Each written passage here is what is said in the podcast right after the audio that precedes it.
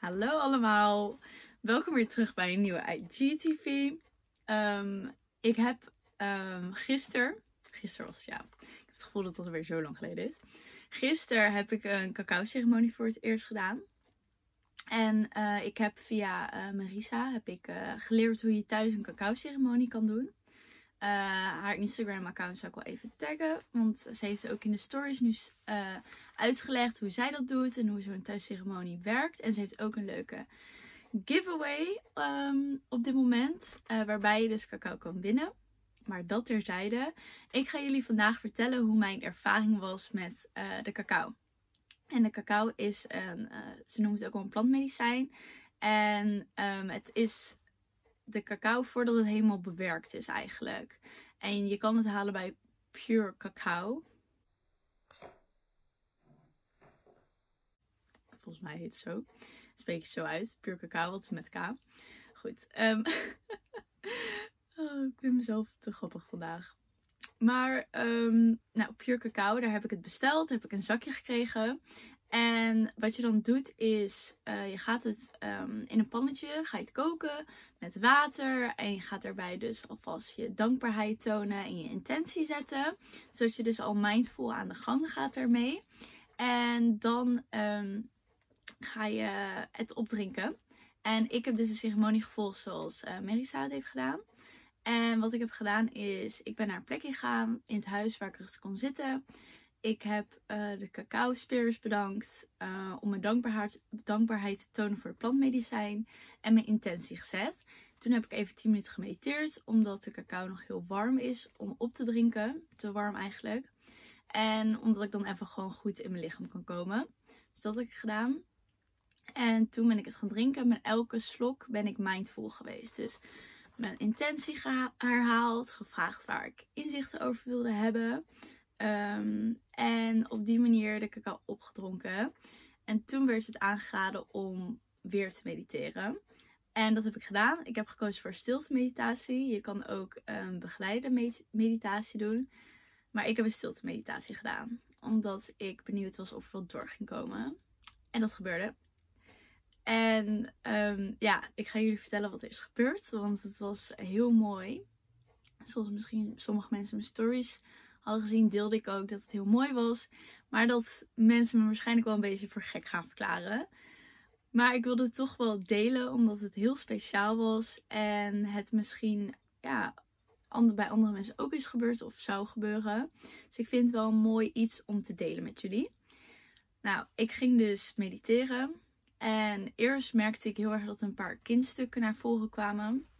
Dus ik zag mezelf als, uh, als kind in bepaalde stukken. En automatisch ging ik eigenlijk al daar naartoe als mijn volwassene zelf. Om mezelf te troosten als kind.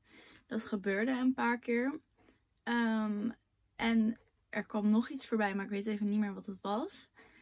En wat er toen gebeurde was heel bizar. Um, ik voelde ineens een soort aanwezigheid. Een soort van energieaanwezigheid. En ik wist gelijk dat het mijn opa en oma waren. De ouders van mijn moeder, die er niet meer zijn. Al een aantal jaren. En uh, daar begon ik mee te praten. En dat ging een beetje hetzelfde als mijn kaartlegging en reading. Dat ik dus mijn eigen stem hoor. Um, en maar weet dat het van, niet van mij is. En het, ik denk dat het komt dat ik nog steeds mijn eigen stem een beetje hoor omdat ik het nog niet zo goed kan toelaten. Ik voelde ook de energie. Het is niet dat ik iemand zag of zo. Ik voelde het. En ik hoorde dus iemand praten. Um, maar in mijn eigen stem. En ik heb ook aan ze gevraagd hoe dat komt. En ze zei dat het, zodra ik het meer kan toelaten en mijn kanalen meer open, dan kunnen ze beter ook bij mij komen. En ik heb dus hele gesprekken met ze gehad. Dat ze blij waren. Dat ze weer bij me konden komen. En dat ze toen ik kind was. Dat ik ook goed uh, contact met ze kon hebben. En dat, ik, dat ze altijd met mij ja, aan het praten waren. En dat ik me daar op een gegeven moment voor heb afgesloten. Wat ook klopt. Um, ik kan me niet herinneren dat ik als kind dit zag. Uh, maar mijn moeder bevestig, bevestigde dit. Want ik heb haar nog opgebeld. Toen zei ze.